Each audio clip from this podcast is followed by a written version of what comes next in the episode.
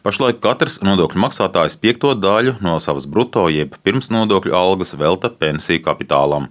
Lielākā daļa, jeb 14% no šīs daļas, nonāk pensiju pirmajā līmenī, kas ir obligāts un no kā tiek pabalstīti šodienas pensionāri. Pensiju otrajam līmenim paliek 6% no algas, un tos nodokļu maksātājs atgūs tad, kad pensijā dosies pats.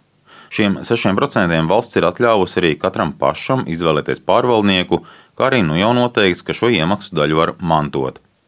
Tāpēc arī ekspertos nedzird uzslavas ministra idejai, ka katra paša nākotnē atvēlētos 6% pensiju iemaksu otrajā līmenī varētu mazināt, lai vairāk studētu šodienas pensionārus. Nu, es droši vien, ka nebūšu oriģināls, tāpēc ka es vērtēju šo piedāvājumu kā pirmsvēlēšanas tādu populistisku politisku soli, kas eh, vērsts nevis uz tādu ilgspējīgo pensiju sistēmas eh, darbību un nākotnes eh, labklājības nodrošināšanas kaut kādu tādu teicumu rīku, ja, bet vairāk kā tiešām tāds mēģinājums piesaistīt daļu vēlētāju uzmanību pirms vēlēšanām. Tas ir akciju sabiedrības INVL atklātais pensiju fonds valdes priekšsēdētājs Andrejs Martinovs. Vērtēju negatīvi, un tas ir kārtējs tāds trieciens tiem pilsoņiem, tiem cilvēkiem, kas godīgi maksā visus nodokļus, darbojas tādā caurspīdīgā ekonomikā.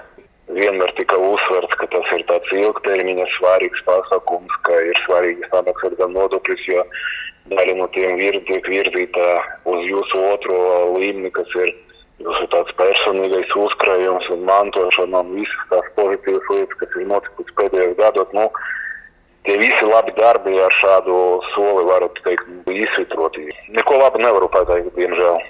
Neticība nodokļu maksātājos var rasties vai atgriezties tāpēc, ka valsts jau iepriekš otro pensiju līmeni nav kautrējusies pieregulēt atbilstoši pašas naudas maka biezumam, iepriekšējās ekonomiskās krīzes laikā brīvprātīgi obligātajā līmenī atstājot vien 2% no algas.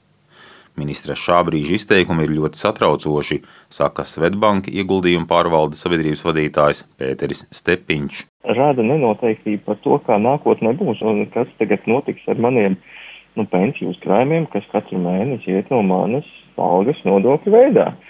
Kādu signālu tas rada nodokļu maksātājiem vai nākotnes pensionāriem, ka nevajag maksāt nodokļus, ēna ekonomikā var dzīvot? Piemēram, man ir personiski bijušas pārdomas par to, nu, cik daudz man nākotnes pensijā šī visa iemesla dēļ cietīs. Nu, un tālāk tad droši vien kādam var arī raisīt pārdomas, ja man tad pensija rausta turpu šurpu, tad varbūt tiešām es varu pats uzkrāt, nesmaksājot nodokļus, kas noteikti aicinātu nedarīt un maksāt nodokļus. Taču nu, pārdomas katram var būt dažādas. Eksperts atgādina, ka pensiju otro līmeni cilvēku uztver kā reāli savu naudu, īstu uzkrājumu, kamēr pirmais līmenis ir tikai valsts solījums, ka kaut kad nākotnē, ja demografiskā situācija būs perspektīva, arī šī pensijas daļa būs pienācīga. Taču demogrāfijas prognozes Latvijā nav pārāk iepriecinošas. Diplomātiski par nepārdomātiem ministra izteikums sauc arī viens no Latvijā zinošākajiem pensiju sistēmas ekspertiem Edgars Voļskis esam piemirsuši, kā sociālās vajadzības glābām ekonomiskajā krīzē. Viņš saka. Tikko mēs novirzam vairāk iemaksas pirmajā līmenī, automātiski tas palielina valsts nākotnes saistības pret tekošajiem pensionāriem un nodokļu maksātājiem saistībā ar pirmo līmeni. Jo jāsaprot to, ka pirmajā līmenī ir tas, ka no vienas puses mēs iekasējam naudu, bet no otras puses valsts uzkrāja saistības speciālos privātajos kontos pret katru no mums, un tās saistības tiek indeksētas.